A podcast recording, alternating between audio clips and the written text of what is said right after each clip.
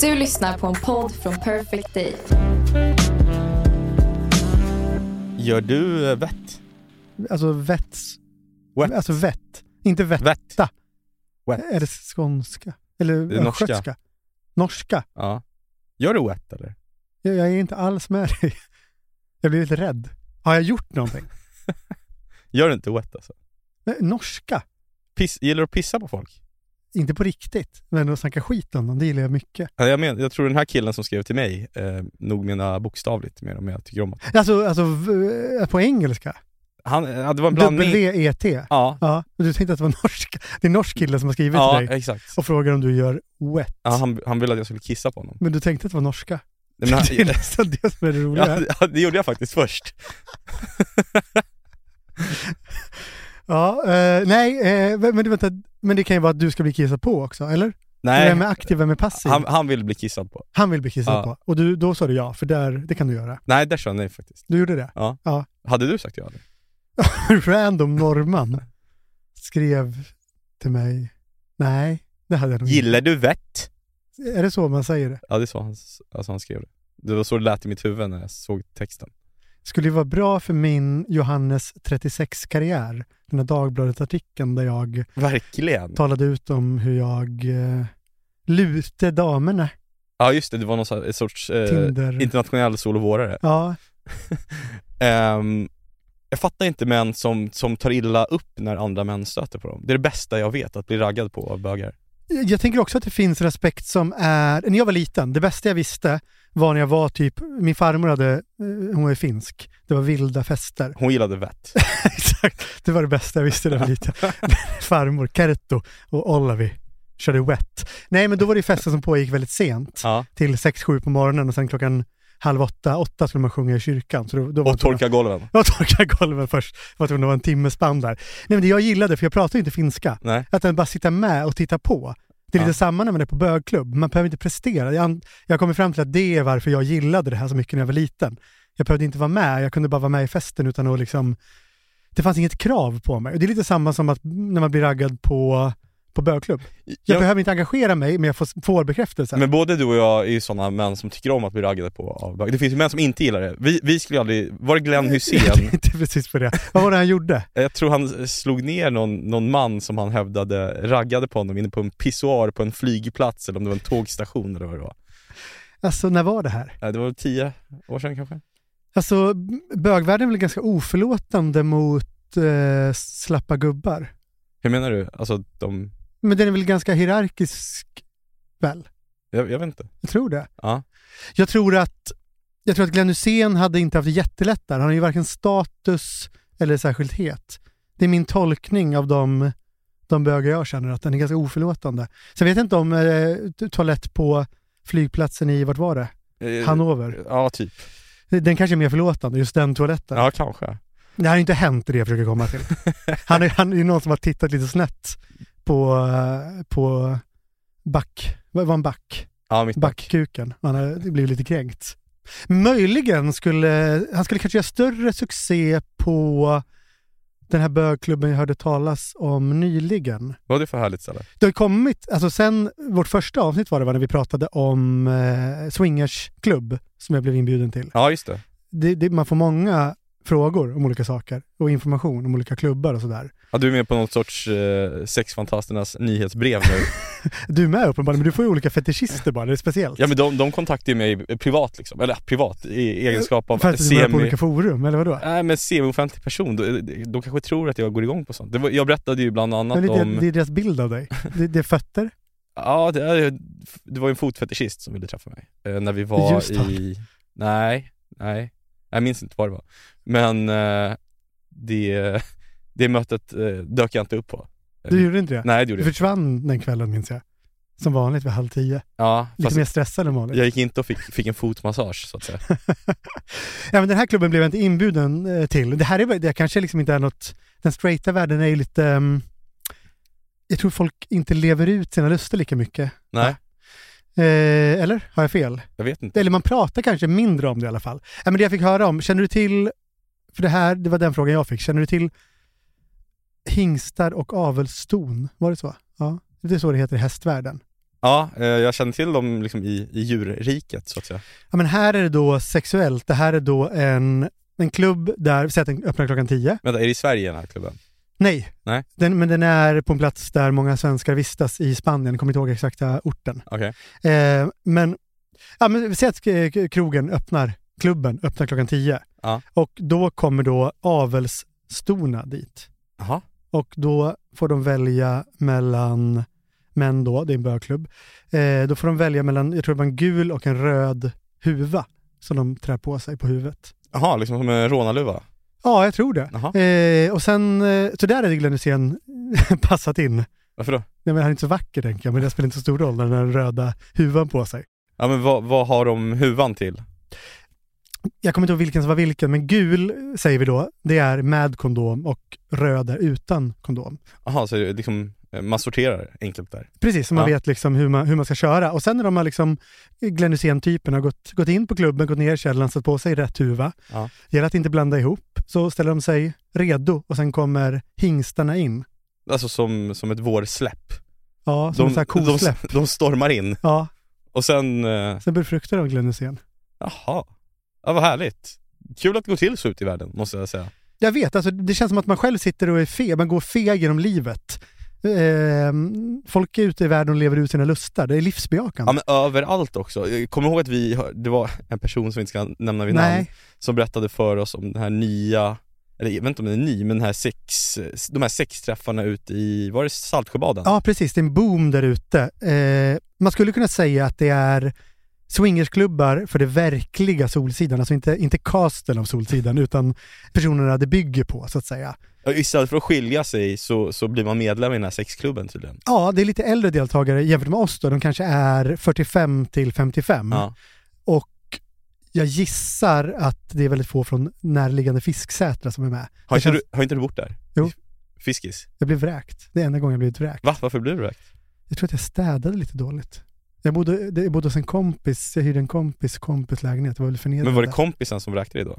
Eller var det liksom en hyresvärd? Ja, det var kompisens kompis som vräkte mig. Det var, För att det var så jävla äckligt och skitigt där inne? det var mycket grus i hallen. Jag gick mycket in med skor. Det var en mörk period av mitt liv. Okej. Jag, jag blir typ mörk när jag tänker på det här. Jag hade inte fått komma på den klubben. För jag tror att det här är liksom konnässör, tidningen Konnässör där man måste tjäna två miljoner per år för att få den tidningen. Det här är väl sexklubbarnas konnässör Ah, okej. på, något sätt. På den här tiden tjänade jag mitt CSN ungefär. Ja, okej, okej. Men man gillar ju ändå när, när man blir raggad på, för det sker ju så sällan nu för tiden, i alla fall på det explicita sättet. Jag minns när jag var i Grekland med, med Nikos. Blev du mycket raggad på? Då, var, här var du 23 eller? Ja, Men man, blev, man var väl mer i miljöer där man blev raggad på. Mm. Nu är man väl sällan på nattklubbar. Mm. Ja men vi var på, på någon nattklubb, eh, på Lesbos, och eh, då började vi prata med några tjejer och då var det en kvinna i, ja, jag var väl 23 kanske, och hon var i 40-årsåldern. Då kom hon fram och så viskade hon i mitt öra. på grekiska. Jag trodde att hon, hon inte fattade att jag inte pratade grekiska. Jag, jag vet inte vad hon trodde. Eh, och så frågade jag Nikos, jag bara, vad, vad, vad är det hon säger? Så sa hon samma sak till honom. så sa hon, hon säger att hon ska knulla dig tills du kräks. Det var, hade, det var hade, ändå uppfriskande. gjorde hon det? Tog du på dig den röda huvan? Nej, No condom. nej, nej. Hon hade behövt ha det där sex blommor och binsnacket som din mamma hade med dig. Att man skulle vara försiktig med klitorisen. Ja. Ja, kanske. Kanske. Du, du sa inte det till henne? Nej, Nej. Men du var väldigt försiktig med klitorisen. nej. Nej. Jag, jag låg inte med det.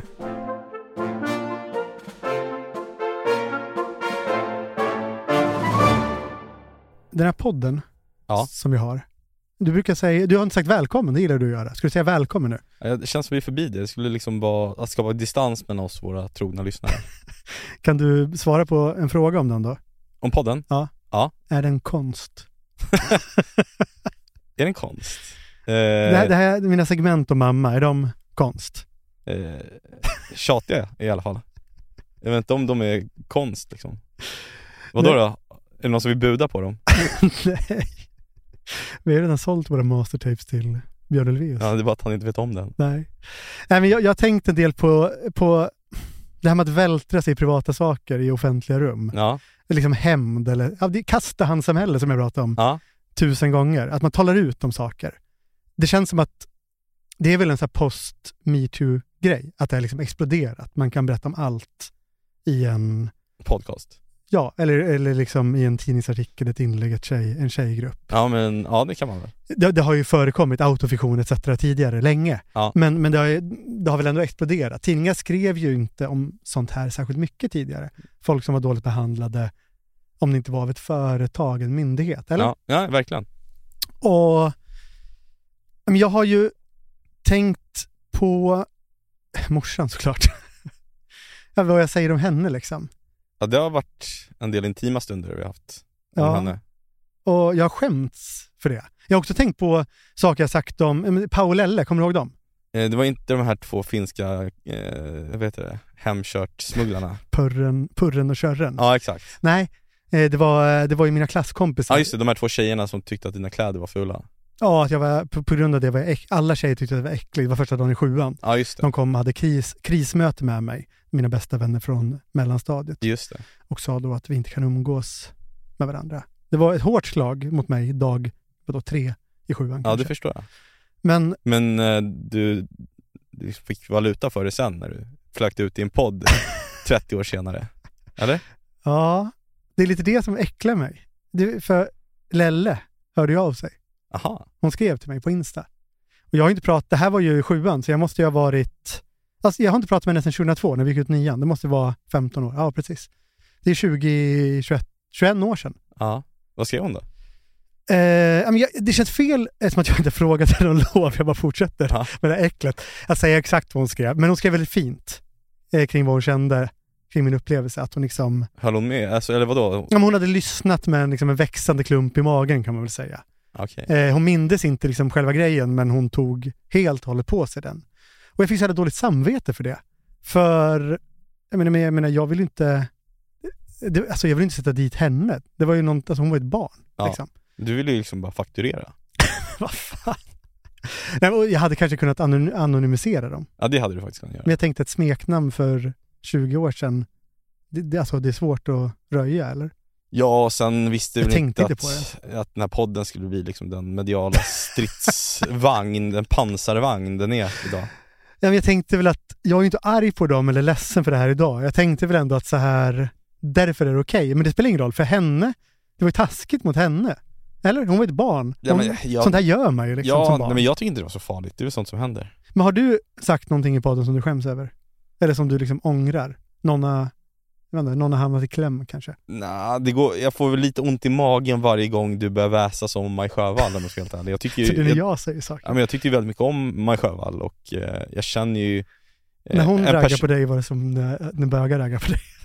jag känner, jag, känner, jag känner ju en person som, som var släkt med, som stod väldigt nära, Ja. som jag är livrädd ska lyssna på den här podden och sen ringa upp mig och fråga varför vi, varför vi, varför du väser som hennes liksom döda släkting och väser liksom eh, rätt grova saker dessutom där på dödsbädden. Du, jag, jag såg en dokumentär om mig. Sjöfall. Då ringde jag ju efteråt och hade så jävla dåligt samvete. Ja det var fint av dig. Eh, sen fortsatte jag Ja sen ändå fortsatte du, prata. fakturan ska in, Dino ska in på Manilla. Kosta vad det kosta vill, i mänskligt lidande. Nej, men jag har tänkt på det här med, jag vet inte om det är med hämnd, men att berätta sin, liksom, sin story, sin sanning. Ja. Eh, det är svårt att se skillnad på vad som är en sanning och vad som är en hämnd, vad som bara är någonting man behöver berätta, eller? Tycker inte du det? Jo, Inte för en själv, men eh, liksom att se igenom eller jo, jag, jag tror att folk har problem att se, är det viktigt att prata om det här eller vill jag bara trycka till någon? Eller? ja så kan det vara. Så kan det vara. Nej, men en av mina favoritlåtar de senaste åren är Phoebe Bridgers, kan inte prata idag, hennes låt Emotional Motion Sickness. Har du hört den? Du, jag har känt mig nu i 15 år. Ser jag ut som en kille? Eller så här, ligger i linje med min person? Att lyssna på en kvinnlig artist. Ja, ja det gör jag, men att, vad hette låten? Att lyssna på en låt som heter, Emotional Motion Sickness. tror du det? Nej, Nej, jag vet inte ens varför du frågar. det är bara därför jag frågar. Jag vet inte varför det är roligt. Ja, men det, det är ju en hämndlåt på hennes ex Ryan Adams. Känner du till Ryan Adams? Ja, eh, det var inte Anders Locko som sa att jag han sa någonting om att han inte var med i samma klubb som någon som lyssnar på Ryan Adams. Eller att han hatar hans fans och därför inte lyssnar på honom. Men, Säkert mer stringent eh, sagt än hur jag uttryckte det nu. men vänta nu, vänta nu. Du vet att det finns en Ryan Adams och en Och Brian, Brian Adams. Adams. Ja. Ja, för jag hade en teori här. Aha. Att, att du har hela tiden gått runt i livet och trott att det är, det är väldigt många som stavar, stavar Brian Adams fel. Nej, ehm, jag vet att det fanns, finns en Ryan Adams och en Brian Adams.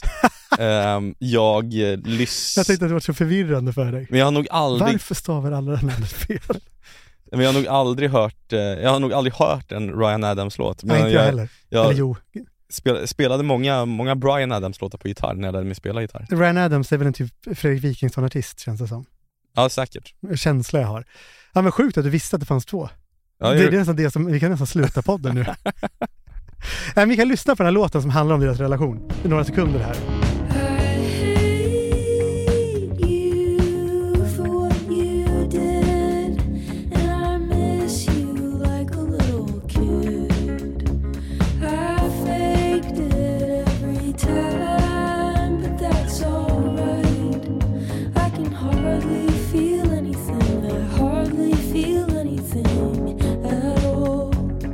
Du, du diggar lite här. ja, jag tycker den var Du bra. gillade det? Ja. Men det är väl fint, du hörde texten antar jag? Ja, Det är väl ganska liksom elakt men på liksom nästan ett barnsligt sätt. ja men Alltså, hon sjunger ju väldigt, medvetet. ja hon sjunger väldigt enkelt och innerligt, det är ju enkla känslor hon spelar på. Ja. Därför, eh, Träffare. Ja, därför träffar det. Ja. Med rakt i hjärtat. Hon var ju 20 år tror jag när de träffades och han var 40. Ja, Okej. Det tycker jag att hon fångar väldigt bra här på något sätt. Ja. Och eh, du ska få höra när hon sjunger lite senare innan vi liksom pratar om det hon sjunger mer i detalj.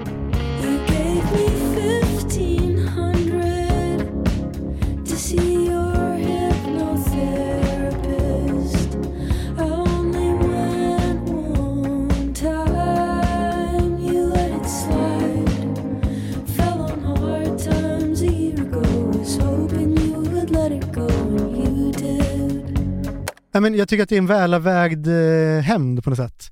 Det finns nyanser. Alltså, hon beskriver ju att han inte bryr sig Ja. om henne. Mm. Hon sjunger ju liksom, det här, du gav mig pengar till en terapeut, Mm. men när jag inte gick dit så sket du i det. Mm. Men hon erkänner ju också att hon vill ju inte riktigt bli hjälpt. Förstår du vad jag menar? Det finns för- ett försonande drag ändå där på något sätt. Ja, hon är, inte, hon är inte svart eller vit i liksom, sitt hat mot honom. Ja men precis, alltså, och, men hon liksom visar ju fortfarande att han är ganska nöjd med att hon mår dåligt. Mm. Det passar honom. Mm. Liksom. Eh, att han inte orkar bry sig riktigt. Jag tycker, jag tycker det har någonting. Vad har det? Jag tycker att det är lätt att ta till sig. Ja. Alltså det, det, det är nästan som att det blir elakare för att det inte är så elakt. För att man kan, man, man liksom, man får en bild av hur han är snarare än att han gjorde så. Det är Ja. lite det jag ska prata om, tänkte jag. Men det har skrivits väldigt mycket om den här låten, för i början var det ju för att det var en offentlig hämndlåt. Men sen publicerade New York Times en artikel, en granskning där Phoebe Bridgers och hans ex eh, Mandy Moore, skådis, Ja. artist, känner du till? Ja. De var med i den tillsammans med flera andra kvinnor. Och de, i den här New York Times-granskningen så ja, men det vittnar de här kvinnorna om att han, han hade väl ett modus operandi där han, men han erbjöd att liksom jump, kickstarta eh, deras karriärer. Och så fort det här erbjudandet hade kommit så, så försökte han ligga med de här kvinnorna. Okej. Och, eh, så här, svartsjuka, kontrollerande beteende, hämnd och någon 14 eller 16-åring som han hade någon form av cam-sex med. Okej. Det var liksom vad artikeln, artikeln var. Ja. Men, men jag, eh, det här nåddes jag av i fredags, det, fast det skedde 2019, eftersom jag ju inte läser tidningar. Men anledningen till att jag hittade den här artikeln, det var att jag, jag var med om en grej som jag ville berätta om i podden, någonting med mamma. ja, just det. Var är hon bor nu, morsan? Hon var i Stockholm och hälsade på eller? Du menar att hon har återuppstått? Har hon dött? Beklagar. Beklagar sorgen. Ja, tack. Tack, vad fint. Tråkigt. Hur har det påverkat dig? Ja, men du vet att jag inte pratat om mamma i podden på ett tag. Eh, nej. Ja, men jag pratade om henne för typ två veckor sedan, men innan dess måste det varit liksom två månader sedan. Ja, Tre. något sånt. Alltså, eh, du sa ju för fan då att du hade saknat henne. Vi har haft någon sorts mamma-paus här. Exakt. Men nu är vi tillbaka i skiten. Nej, men jag har haft något, det känns smutsigt att prata med henne. Jag gjorde, för att jag pratade med om det var två veckor sedan, det var för att jag inte hade något annat att prata om. Jag kom inte på någonting. Jaha. Och då var jag tvungen att prata om mamma. Ja. Och det nu, var ju någonting jag liksom brydde mig om, men jag ville inte prata om henne. och nu har det gått två veckor och inget att prata om igen, så då ska, vi, då ska vi gräva upp liket. Nej, men det, nej, men det har kommit fram saker som jag vill prata om. Aha, alltså som jag spännande. behöver prata om. Jag Spännande. mår ju bättre för att jag pratade om mamma i den här podden. Okej. Eh, och, men det är liksom, det är som att jag, ja det är vad du säger också, jag bara maler på morsan hela tiden. Det är liksom ingen nyans, det är ingen finess. Du får skriva Det en låt som om drev. henne. Har du skrivit en låt om henne? Nej, Kommer du göra det tror du? nej, jag skriver inte låtar, Nej, sant. Inte längre. inte längre. Nej, men jag kommer ihåg att Thomas Mattsson under, eh, när jag, när jag Vänta, vänta, är Thomas Mattsson din nya morsan? För de senaste fem avsnitten har vi pratat om Expressens tidigare chefredaktör Thomas Mattsson, som jag inte ens behöver presentera längre. nej, det behöver du nog inte. Nej. Han är väldigt ofta nämnd här nu. Otroligt ofta. Ja, han är nya morsan. Nej, men under, eh, jag ledde ju eh, en del av Expressens metoo-bevakning. Otroligt utskälda. Ja, och fällda och sådär. Och... För det är så kul. Var vad roligt. Nej, men när jag... Martin Timell hade jag ju liksom eh, hela vägen. Honom tog du heder och ära av. Ja, verkligen. Mm. Det, det, kan man, det kan man säga att jag gjorde. Ja, men först hade vi, det började med att vi rapporterade om arbetsmiljöproblem och sen det var något utbrott på inspelningen och sen, sen var det någon form av trakasserier kanske, jag kommer inte exakt ihåg, innan det till slut ledde till den här fällda övergrepps grann, liksom publiceringen. Ja. Eh, badtunnan, allt det där som folk minns. Och samma dag som vi publicerade badtunnan-storyn, liksom hela storyn, så fick vi tips. Det var en person som hade råmaterialet från Äntligen Hemma-inspelningarna. Ett, alltså en, en film med ett utbrott som Martin Timell hade fått på Äntligen Hemma-inspelningarna som inte hade sänts någon gång. Och det var ju såklart en stor nyhet då, för det var ju första gången snarare än att folk berättade anonymt vad som hade hänt, så hade man ju, det här har hänt. Nu vet vi att det har hänt. Och jag visade det för Thomas Mattsson och han sa absolut, det här, det här kan vi publicera. Det här har ett nyhetsvärde, det finns ett allmänintresse. För det är första gången just vi kan se hur det var på inspelningarna.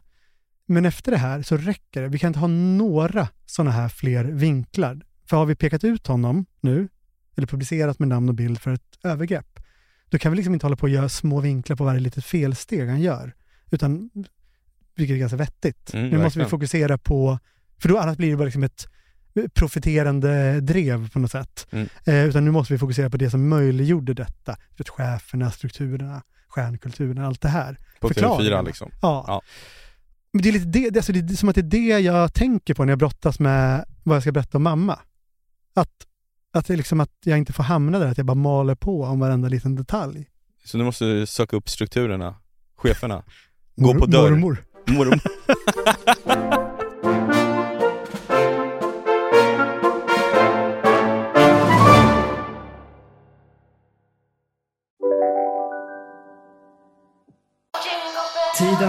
Tiden är inne. Let's maximize this Christmas! Låt oss lysa som stjärnor. Göra våra röster hörda. Och äta julmiddagar som vinnare. Låt oss gå all in och maximize this Christmas med Pepsi Max.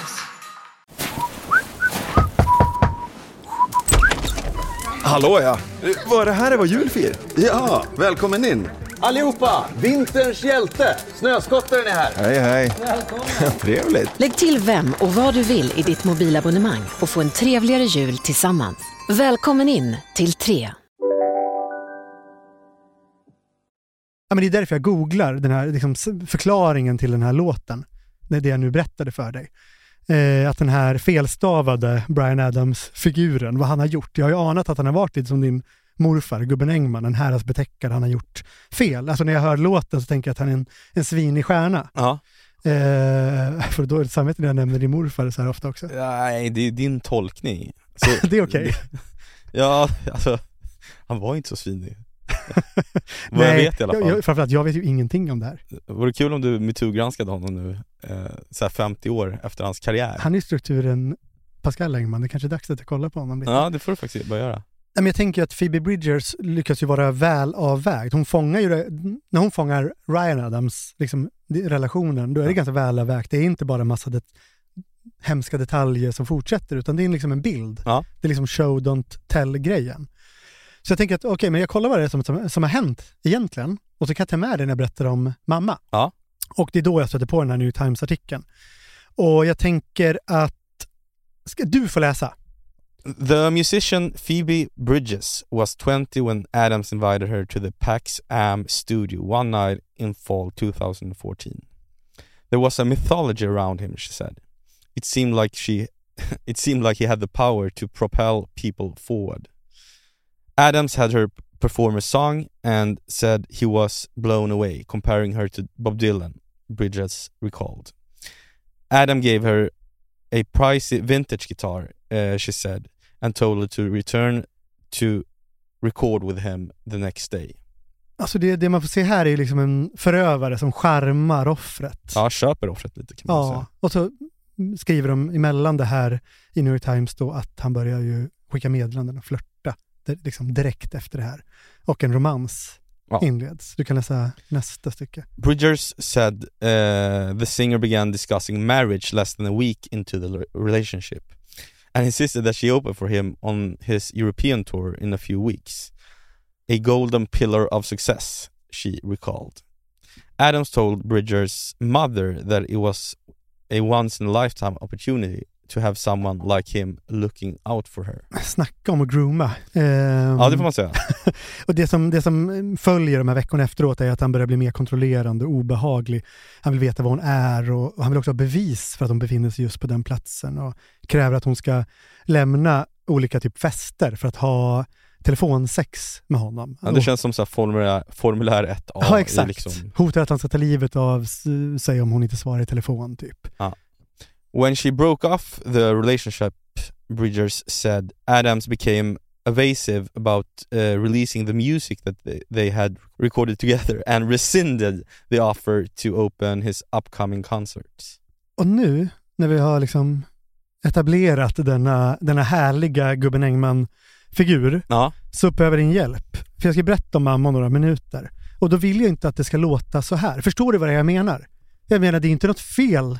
Det, som, det här är ju en journalistisk text. En, det är New York Times som har gjort en väl genomförd granskning. ja det är inte stoppa pressarna. Nej men precis. Men det är själva, jag vill inte att liksom min ton ska vara så här. Förstår du vad jag menar? inte riktigt. Det, det känns som att jag knappt kan säga det, men, för det låter som att jag kritiserar de här kvinnorna. Det gör jag inte. Mm. Men det, är- det är liksom det här medierapporteringens svartvithet. När jag pratar om mamma vill jag inte att det ska låta som ett upprop eller en tala ut-artikel, som alla har låtit. Du vill att det liksom. ska vara mer nyanserat, att hon ska komma till tals. Det blir svårt. Om du kan liksom... Ska vi ringa henne? eh, nyhetschefen för Expressen som vill ha helgonet på Skype kanske kan lösa morsan. Eh, ja, men det, ja, men okej, det är det här tror jag.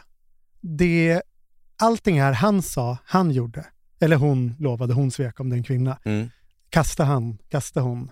Alltså, och det är inte Phoebe som gör det, utan det är hela formatet som gör det. det, är, det för det blir så om du berättar en journalistisk text, för då behöver du ju berätta, underbygga, leda bevis etc. Det blir väldigt kallt liksom. Ja.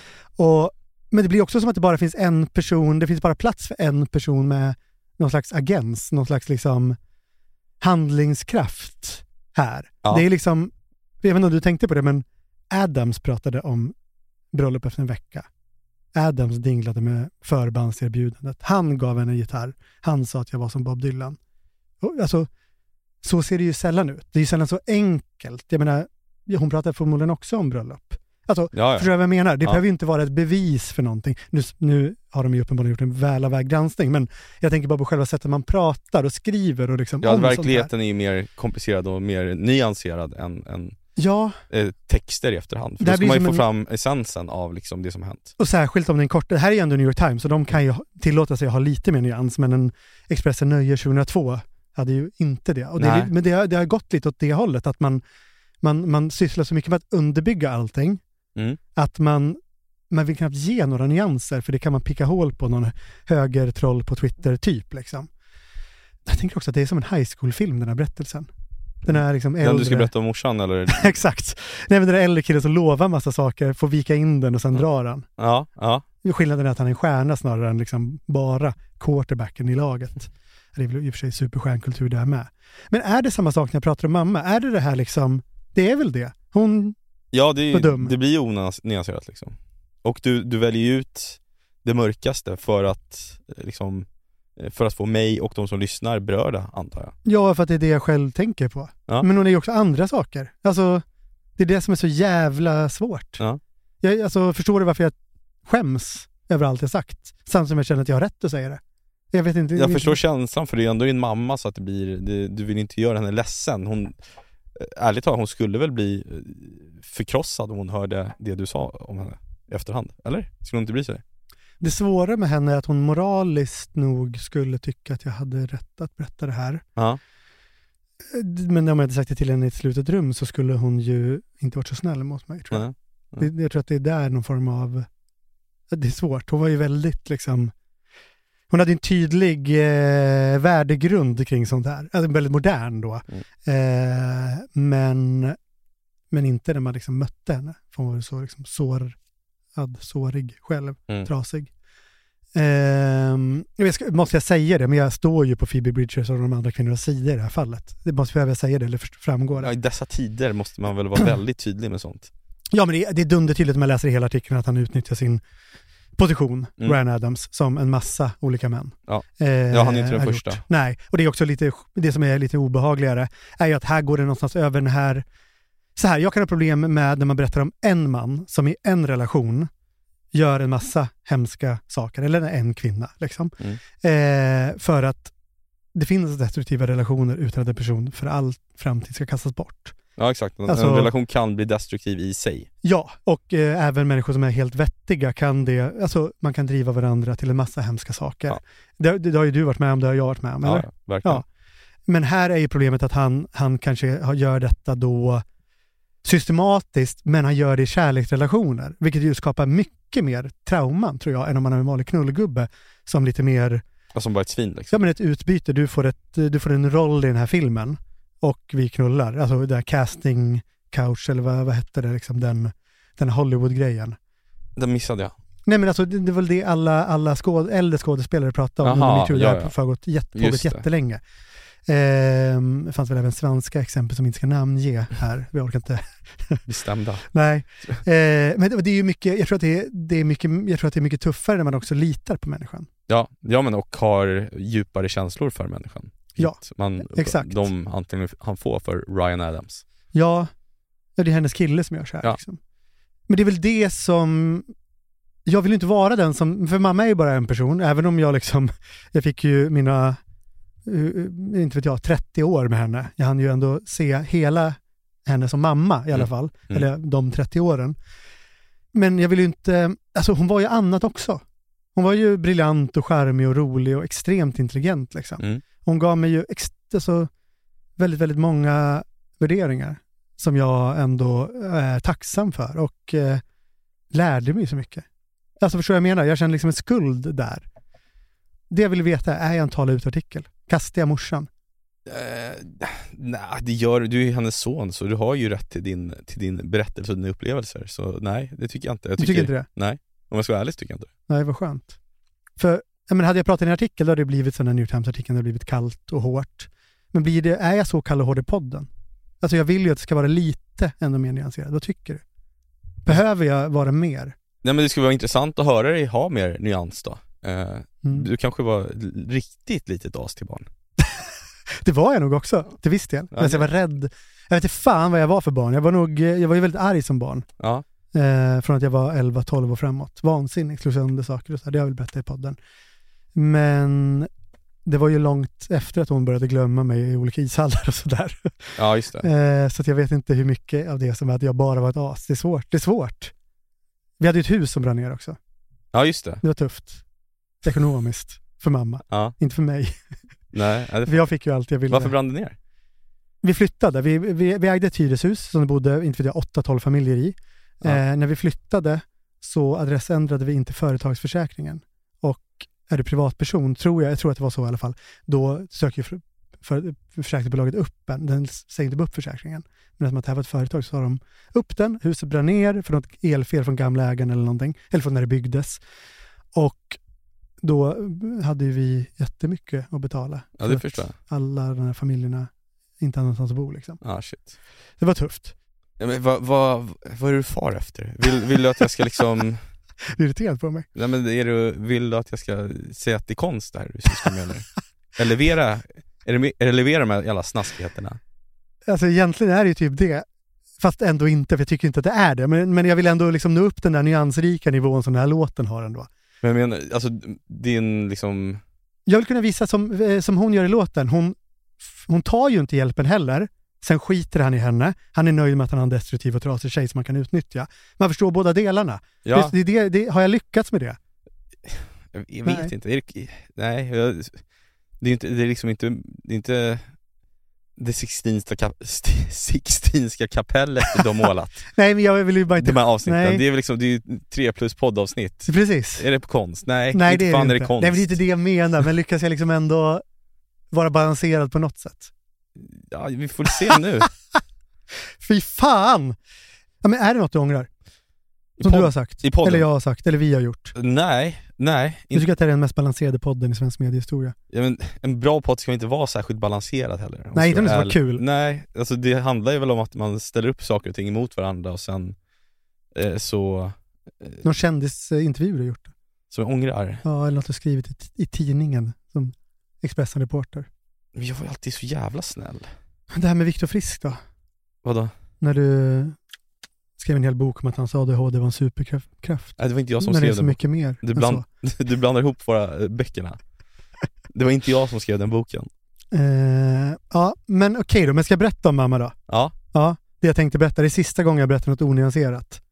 Jag och Magda ah, såg... du ska vara onyanserad Ja. alltså? Nej, vet du, jag måste berätta om det här för jag var så jävla berörd av det. Okej.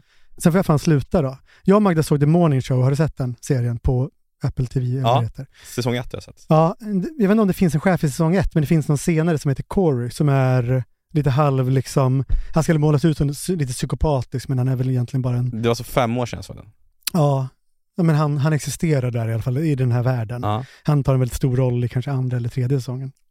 Och han går väl över lik för att lösa olika problem och sådär. Men han är charmig. Magda är oba, oroväckande förtjust i honom. Kallar honom för... Nej, men, eh, han är otrolig brukar Magda säga.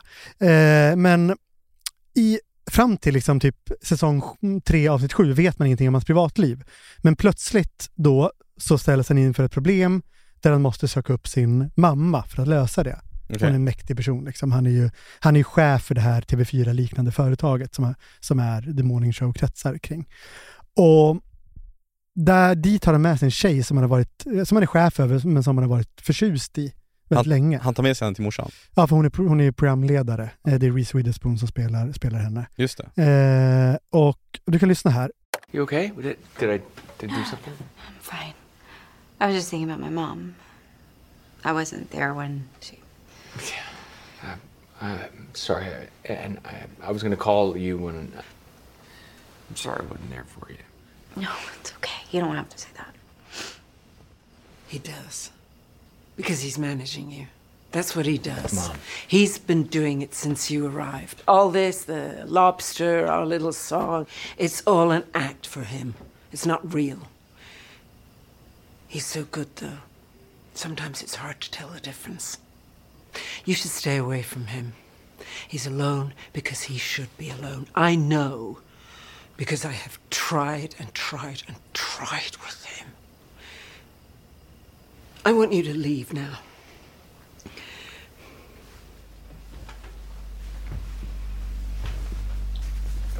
Families.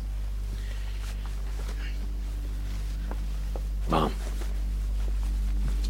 You know, I care about you. And you know, I always will. You only came to see me because you wanted something. And you won't come back until you need something again. You really are just like your father. There's something very wrong with you. We should go.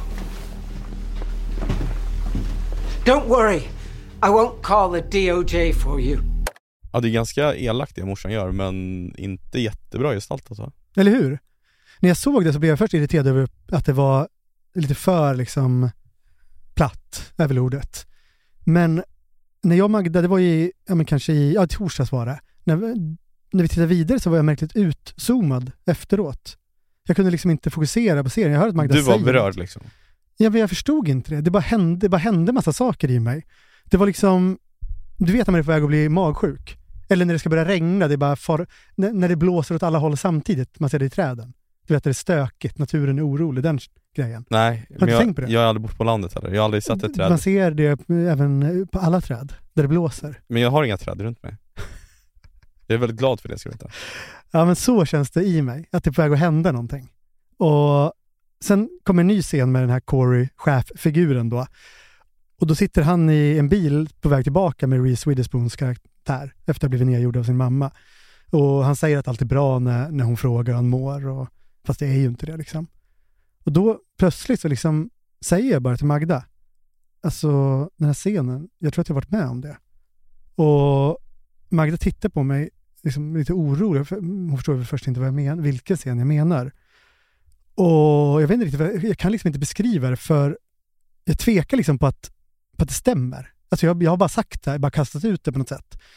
Och i mig så ser jag bara massa rum, alltså bilder liksom. Jag ser köket i mammas första lägenhet efter skilsmässan. Den här tapeten mönstrade vi hade i, i matsalen på Libesgatan där hela familjen bodde innan, innan skilsmässan. Och en massa andra rum som liksom kommer tillbaka till mig. Och mm, jag säger till Magda, men jag tror att mamma gjorde sådär. Och hon bara, men hur? Liksom, vad gjorde hon? Och på något sätt så sluter mig då, jag kan liksom inte få ur mig det. Jag säger, men jag kanske bara konstruerar det här, eller jag vet inte. Och, men, sam, alltså just då så blir det väldigt klart. Alltså jag ser just ett enda rum. Köket, Lidbesgatan, jag ser mig själv. Jag är kanske 13 eller 14 år. Jag, det är trevligt liksom, det är en middag. Jag, min nya bästa vän, vi kan kalla honom vi kan kalla honom Willy. han heter verkligen inte Willy. Och jag ser upp till Willy, han är äldre och han sitter mitt emot mamma Willy och jag förstår att när jag ser det här nu så förstår jag att det är de som pratar och jag är publik på något sätt. Ja, du är åskådare. Ja, det är, nästan, det är som nästan en flörtig stämning. Inte att det är flörtigt, men du vet att de kommer nära varandra. Förstår du vad jag menar? Ja. När folk är inneslutna i ett samtal och två personer. Och jag vet att när jag sitter där, det är samma liksom känsla av att något är på väg att hända. Att ska, ett jävla oväder är på väg in när jag sitter där som 13-åring. Och, men jag minns inte vad de säger. Och jag, jag vet bara att jag känner det som att hon försöker ta honom av mig på något sätt. Och att jag inte förstår riktigt varför. För mamma har ju, sen jag träffade den här killen ett år tidigare, pratat så mycket skit om honom. Hon har sagt att jag inte borde umgås med honom, han är, han är väl förbundig fast med, har hon sagt med lite mer intellektuella ord. Han är inte så bra, kanske, för mig. Men varför sitter hon här nu och liksom tycks liksom helt innesluten i samtalet? Varför ser hon bara honom? Och jag finns liksom inte där på något sätt. Det är som att två vuxna pratar och jag sitter och drar min kompis i benet och säger ska vi inte gå ut och spela fotboll? Men ingen liksom, de bara puttar bort mig.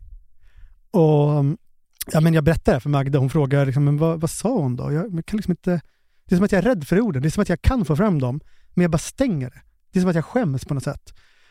Och jag tror, alltså, jag, någonting som kommer upp, det är liksom att hon har sagt det där med att jag typ manipulerar eller styr, någonting sånt där, att jag gör det. Men det är inte här. Men jag vill inte säga det till Magda heller, för jag är rädd för att det ska vara sant på något konstigt sätt. Fast jag vet att det var mamma som gjorde det. Så när jag hör de orden så är det som att jag är barn igen på något sätt. Jag upplever dem igen. Och när jag var liten så var det, jag har ju berättat tusen gånger, att varje konflikt slutade med att jag bad om ursäkt. Att jag skulle göra saker bättre. Ofta för saker jag inte hade gjort liksom. Men, men vad hände den där kvällen då? det liksom lyckas nå, för nu kan jag inte liksom ta mig in i minnet på det sättet igen. Men det är att de, jag minns att de retar mig. Det är någonting som är väldigt jag. De två tillsammans mot dig liksom? Ja, något, vet du, något som avslöjar. Min mamma var ju precis som du och jag är retstickor mot varandra, men det blir ju svårare när man är barn. Hon har gjort det för att jag var liksom, alltså hela mitt liv. Ja men och särskilt om det är inför liksom en kompis också. Ja, exakt. Jag kan tänka mig att, ja, men det kändes som att de pratade om mig fast framför mig. Mm. Typ att det var något sånt här, det kan ha varit att det var någon lek jag lekte för sent upp i åren som kanske avtecknade en dröm på något sätt. Alltså jag kommer inte ihåg vad, men till exempel om jag... Det här med le- droppsnoppen kanske? Ja, exakt. det? Jag lekte att jag inte hade droppsnopp. Nej men att jag lekte att jag spelade ett band, kanske stod och sjöng. Ja, men typ en sån grej liksom. kanske att de sa att jag gjorde det nu fast jag inte gjorde det. Eller att jag gjorde det. Alltså, någonting sånt där, du vet, som man skämdes för i den åldern. Du kanske spelade låten för? Kenny. Kenny? Du Skrev den- väldigt tidigt. De spelade upp och garvade åt dig?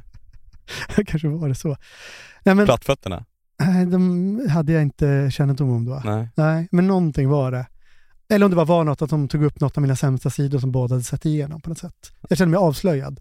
Och jag vet det, som jag fortfarande gör idag, jag tittar ner i Jag, marken. jag, jag hade haft en del att säga om jag hade suttit på det här bordet känner jag. Vad hade du sagt? Nej, men jag hade nog stämt in liksom. Hånat dig lite. Jag kan tänka mig det. Ja, jag hade trivts där med. Men jag vet inte om du har tänkt på det, men om jag i, i sammanhang där jag inte kan gå emot en person som beter sig dåligt mot mig, alltså alltid yrkessammanhang i den nya författarkarriären. På Expressen tog jag ju fighter, men nu pallar jag inte det. Eh, har du tänkt på att jag, om någon säger någonting lite vidrigt till mig, att jag liksom tittar, liksom, tittar ner, tittar bort. Jag, liksom, jag kan inte möta blicken för då kommer jag gå i clinch. Ja, du samlar dig liksom lite. Ja, men jag blir också som ett osäkert barn. Det är det jag vet att jag gör det. Jag sitter och kan inte möta deras blickar liksom. De, de, om de ens tittar på mig. Och jag vet att mamma säger, ser det och säger att jag är känslig. Och jag, att, jag liksom, att jag vill gå därifrån men att jag inte vågar gå, för vad ska hon då säga om mig? Den där känslan att jag är liksom, som, det är som ett fängelse, jag är liksom fast där vid bordet. Och jag är rädd för kompisen med, för du vet ju hur det var då. Alltså många relationer byggde ju på att man samlar på sig saker inte, inte att kanske man själv gjorde, men någon ledarfigur och sen använder man det mot det i ett ännu coolare gäng, så att säga. Ja, så han kunde få reda på grejer som du, han kunde använda mot dig sen. Exakt. Och, och jag idoliserade honom, för han var ju två år äldre eller någonting. Så jag var ju liksom, jag var rädd verkligen. Och, och jag anade just det jag sa då, och det sker ju två dagar senare, att han tar upp det hon säger inför massa kompisar. Men, men, men det som, det som liksom är det jobbigaste, det som jag faktiskt minns klart, det är att mitt i den här liksom förnedringen så vänder sig mamma till mig. Plötsligt ser hon mig liksom. Och så säger hon, apropå det här hemska med mig som de har pratat om, vad det nu än är, säger hon, men jag älskar dig ändå min lilla prins. Och så klappar hon mig på kinden så här, som har gjort hela min barndom. Och det är liksom som att tryggheten och otryggheten möts. Så jävla, jag kan fortfarande se de där ögonen, liksom den där glimten av kärlek, det jag alltid sökte hela barndomen. Men att jag också, men jag är så arg när jag sitter där. För att, jag, för att hon tror att det räcker att säga så. Som förlåt liksom. Mm. Och jag är så arg på mig själv, för det räcker ju. Alltså, jag fogar ju mig då, på något sätt. Ja. Den där lilla bekräftelsen är ju allt jag vill ha. Det är, det är så ont att det är så.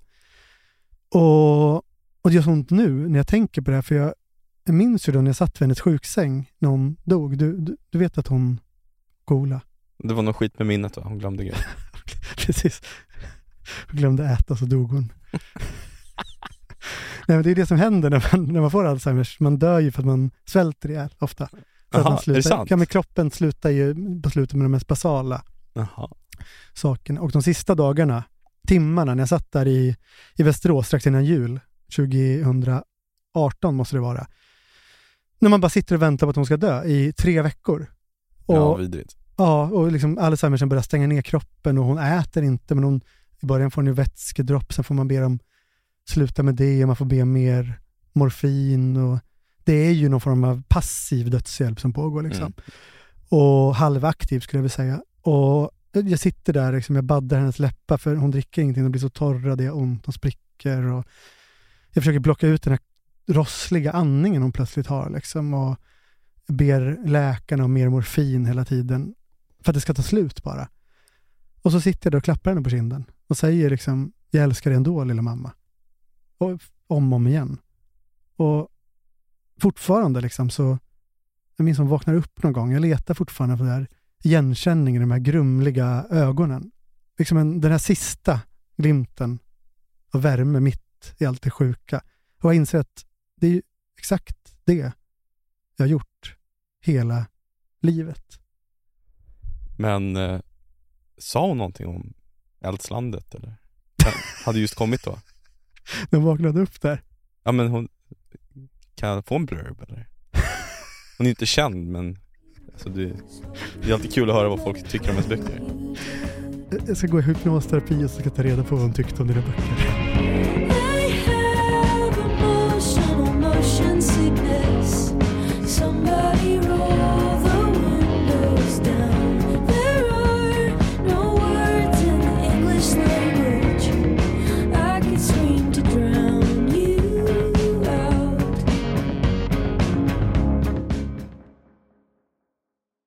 Out. Jag skickar en bild till dig här så tar vi det därifrån. Du får, du får reagera. Oj, ja det, ja, det är Wow. Ja, det ser Ja. ser ut som en liten mysig park. Du läser inte på skylten. Birger Bures plats. Det är gubben Bure. Han har egen plats. Han har egen plats i Malmö. Det är alltså den här gamla Kvällsposten-journalisten som vi ofta pratar om. Även kallad eh, Bruna strecket eftersom han brukade sitta naken på sängen och eh, skriva och då lämnade lite, en, ett litet streck med En avföring. signatur. En signatur. Oklart om det fanns något brunt streck på denna plats. Eh, det Det borde jag. det väl finnas? Ja, Den kom ju till, det borde verkligen finnas ett, ett brunt streck någonstans. måste vi, vi måste åka dit och lämna ett brunt streck. Det var, En gång per år. Det var också, vad var det han gjorde? Just det, han brukade Han var ju, han var ju ofta utsänd på sporttävlingar Och så någon gång när han var i Asien Han var där på någon skidtävling Och då eh, ringde det på telefonen och Patrik Ekwall eh, Kvällspostens telefon. Ja, han satt och redigerade något Ekwall, så lyfte han på luren och först hörde man bara För Birger Bure rökte så mycket Man hörde liksom bara hostan i början Och så frågade Birger eh, Du, vad, vad är klockan? Och Patrik Ekwall kollade upp liksom mot men, redaktionsuret och sa väl ja men halv två Ja men inte där, här! Det blir aldrig tråkigt. Det är lika bra varje gång. Ja men vad, vad glad jag blir att liksom, det är fler än vi som, som uppskattar Bure och har gett honom en, ja, men en egen plats i, i Malmö. Om vi, om vi har, om vi någonsin ska livepodda igen efter fiaskot, då är det väl på Birger Bures plats En som vi, utomhus livepodd i en korsning. Ja den första någonsin, det, känns inte som att han har fått en premiumplats i Malmö. Det känns En som att, väldigt liten plats här, gatstump. ja men det känns också som det ligger så här bredvid en hårt trafikerad väg, så det kan Mm. vara väldigt dåligt ljud eh, under den här framtida eventuella livepodden. Men du, jag ska skicka en till bild på Birger Bure här. Aha. Det var här, det här är någon gammal gubbe med massa tjejer i baddräkt. Är, det, är det här Birger Bure också? Jag tycker på Det är så, Bure. jag har aldrig sett en bild på honom. Eh, Men det, jag tror att de kallade sig, han tränade, jag vet inte varför det är så roligt, han tränade ungdo, flickor, alltså ungdomssimning med flickor tydligen. Det var hans stora passion i livet. Birgers, Bures flickor eller något sånt där kallades de. Skojar du? Nej, det var några som blev eh, landslagsmässiga, Han var bra också. kanske till och med OS-medaljörer. Han var alltså jätteduktig. Vi kanske får helt omvärdera honom. Han kanske var en supereldsjäl som liksom Vi har ju Det är framställt... någonting med Birger Bures flickor. Eller Ja. simflickor menar jag. Ja, det, jag vet inte, ja, det känns lite konstigt men han kanske bara var, tyckte om ung, ungdomen liksom. Och att simma. Men vänta, han var samtida med din morfar? Alltså de levde ju samtidigt. Men de, han jobbade aldrig på Kvällsposten, din morfar? Nej. Nej. Ja, jag, kanske- jag vet inte. Har han någon plats? Nej. Nej. Nej, det har han inte. Nej. Med, Men med att mitt han hjärta. drog ju alltid runt mellan olika kvinnor. Det var svårt att bestämma en plats. Hans plats är ju i flykten så att säga mellan två kvinnor. Det borde finnas en staty när det på- Svävande staty. En svävande staty med resväska i handen. En dåligt packad resväska på väg mellan Ducka lite för att det kommer någon kavel kastad efter honom. Ehm, Ja, vackert. Men Jag tänkte på, jag tänkte på faktiskt eh, Gary Engman och flykten när jag hörde en kompis till mig. Aha. Han, eh, det är väldigt mörkt det här. Men Birger, eller förlåt Birger, Gary Engman, han drog ju min morfar, Ja. salig var hans, saligt var hans namn. programledare och eh, på god, vad heter det? Söndags... Eh, kvällsöppet. Kvälls... Kvällsöppet. Just det. Och eh, chefredaktör för Aftonbladet. Ja. Ja. Eh, och men han drog ju gärna när det blev lite, Och- lite och- jobbigt. Och grundade TV Stockholm. Just det. Vad är TV Stockholm? Eh, Det var väl Sveriges första lokalradio, eller förlåt, lokal-tv-station. Jaha. Ja. Mm. Gjorde han mot slutet av, av sitt liv. Så nu vet ni det. Var han en jämställd man? Det tror jag faktiskt, hyfsat jämställd i alla fall. Du tror det? Ja det tror jag. Ja. Alltså, alltså inte på 70-talet kanske, jag vet inte. Alltså mormor var ju hemmafru så han, Just det, en av hans två Birgittor. Din mormor är inte Birgitta Sandstedt. Nej, mormor är Birgitta Engman då. Gary ville så gärna vara en jämställd man. Men det var inte lätt för honom. När han blev chefredaktör på Aftonbladet hade vi små barn. Det gick inte ihop med dygnet runt jobb. Ja, det här är Birgitta Sandstedt som pratar om det. Ja. Ja. Vi blev insnöade två dygn på ett litet hotell i Emmaboda. När vi kom ut var vi så förälskade att det lyste om oss. När var det här? Du har fint darr på rösten måste jag säga när jag läser det. Nej, de möttes på en debatt i Småland, när var det här? Jag vet inte, det var antagligen när han var ihop med mormor. Jag vet, det var bara en passus, jag, jag, jag googlade en del Gary när jag var lite mörk efter det här med mamma. Ja. Eh, för att lätta upp stämningen. Ja. Nej men eh, han drog ju vidare, han hanterar ju liksom det jobbiga med familjelivet på det sättet. Ja. Eh, men jag har en vän då som, han går ner i tvättstugan, han, han har liksom andra typer av flyktvägar. Och så, han tvättar. För att slippa länge, familjen. ja, viker tvätt länge, manglar. Han har liksom börjat mangla, en 37-årig man. För att liksom vara, vara ifrån sin familj så mycket som möjligt. Och mörkt. Jag känner, extremt mörkt. nu vill jag inte låta PK eller godhetssignalerande, Mm. som Hanif Balis kompis skulle kalla mig kanske. Men fan vad jag inte känner igen det. Inte? Nej. Det fanns, det, kanske när Benjamin var lite yngre, det fanns stunder när man bara åh, vill ha det lite tyst och lugnt Mm. runt sig. Men nu tycker jag tvärtom, man, jag tycker man dras till hemmet mer och mer. Det är ju roligare också. Ja, det var Det fanns en Expressen-reporter, eh, jag ska inte säga hennes namn, men som pratade väldigt mycket med mig om eh, att samla knullpoäng. Det här var liksom innan jag... Samla knullpoäng. Ja, Vad, vad, vadå? ja, men det här var innan jag själv hade barn liksom. Ja. eh, han, han var Ja, det väl... var en nutida... Ja det här är, nut... ja. det här är ingen Birger Bure-figur, det här är liksom Den här personen, är... den här reportern är nutida, men den, den Mhm. hade barn liksom Och när, så fort eh, hen gjorde en hushållssyssla Så tänkte hen på det som att eh, hen samlade knullpoäng Det var liksom diska, det är 10 knullpoäng eh, Bädda sängen, det är ytterligare 10 och sen när han var uppe i, i 100 Då fick den här anonymiserade reporten komma till då? Ja, eller hen, hen tänkte väl det liksom, att det var, det var därför hen gjorde alla de här hushållssysslorna liksom. Han såg det som ett, Gick den här personen att prata om det på... ja, ja, det här, redaktionen? ja, det här är helt öppet liksom. Så vad fan är det? Men alltså, vem är det här? Vet jag vem det är? Du känner definitivt till personen? Är det Anna Bessén? nej. Nej, nej. Britta Svensson? Nej, jag kommer inte säga. Nej, nej vänta, hon är ju på Aftonbladet nu. Är Jag kommer inte säga Anna vem- Friberg? Nej, nej. Jag, jag kommer inte säga. Malin Ros? Nej. Karin Olsson? Du menar Expressens eh, st- st- ställföreträdande utgivare va? Nej, Ditt- Ditt ex, Emma Malmlöv? nej, Nej. nej, nej. Kommer på någon mer det skulle kunna vara. Men det var väl... Karin Skog? Jag kommer inte säga. slutat.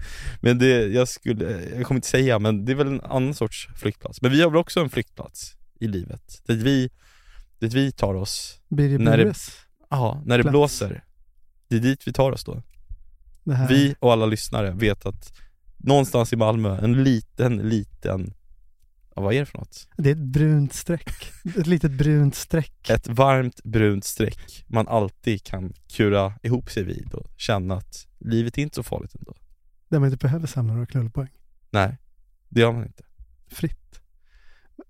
Vad hör man? Vi måste ha någon avslutningslåt. Någonting mys- vad vill man höra när man är på Du pratade ju om någon låt du hörde häromdagen bruna du, strecket? du var så jäkla berörd av. Ja, just ja. Eh, Love Truls känner du till? Ja. Vem är det? Det är väl en musiker, Sigge Eklundsson? Det är så du identifierar honom.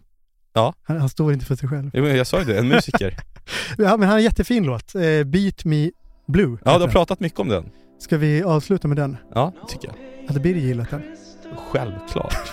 Känns, känns som att Birger, mycket vatten i örat. Eftersom han tränar med simtjejerna, han lyssnar inte så mycket på musik. Dålig i magen, vatten i örat, rökande. Noll knullpoäng.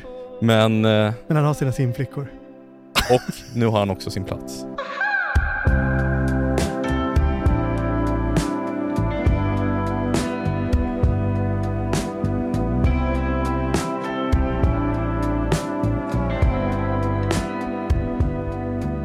Men inte släppa det. Vem är det som samlar knullpoäng? Men jag kommer inte säga. Anna Hellgren. Nej! Brod, Brodrers. Nej! Eh, Johanna Kardell. Men tycker du det låter som att det är en, en kvinna? Men det är inte en kvinna. Nej. Ah, 100% jag vet. Om jag har rätt så måste du säga det. Ja. Attila Jolles.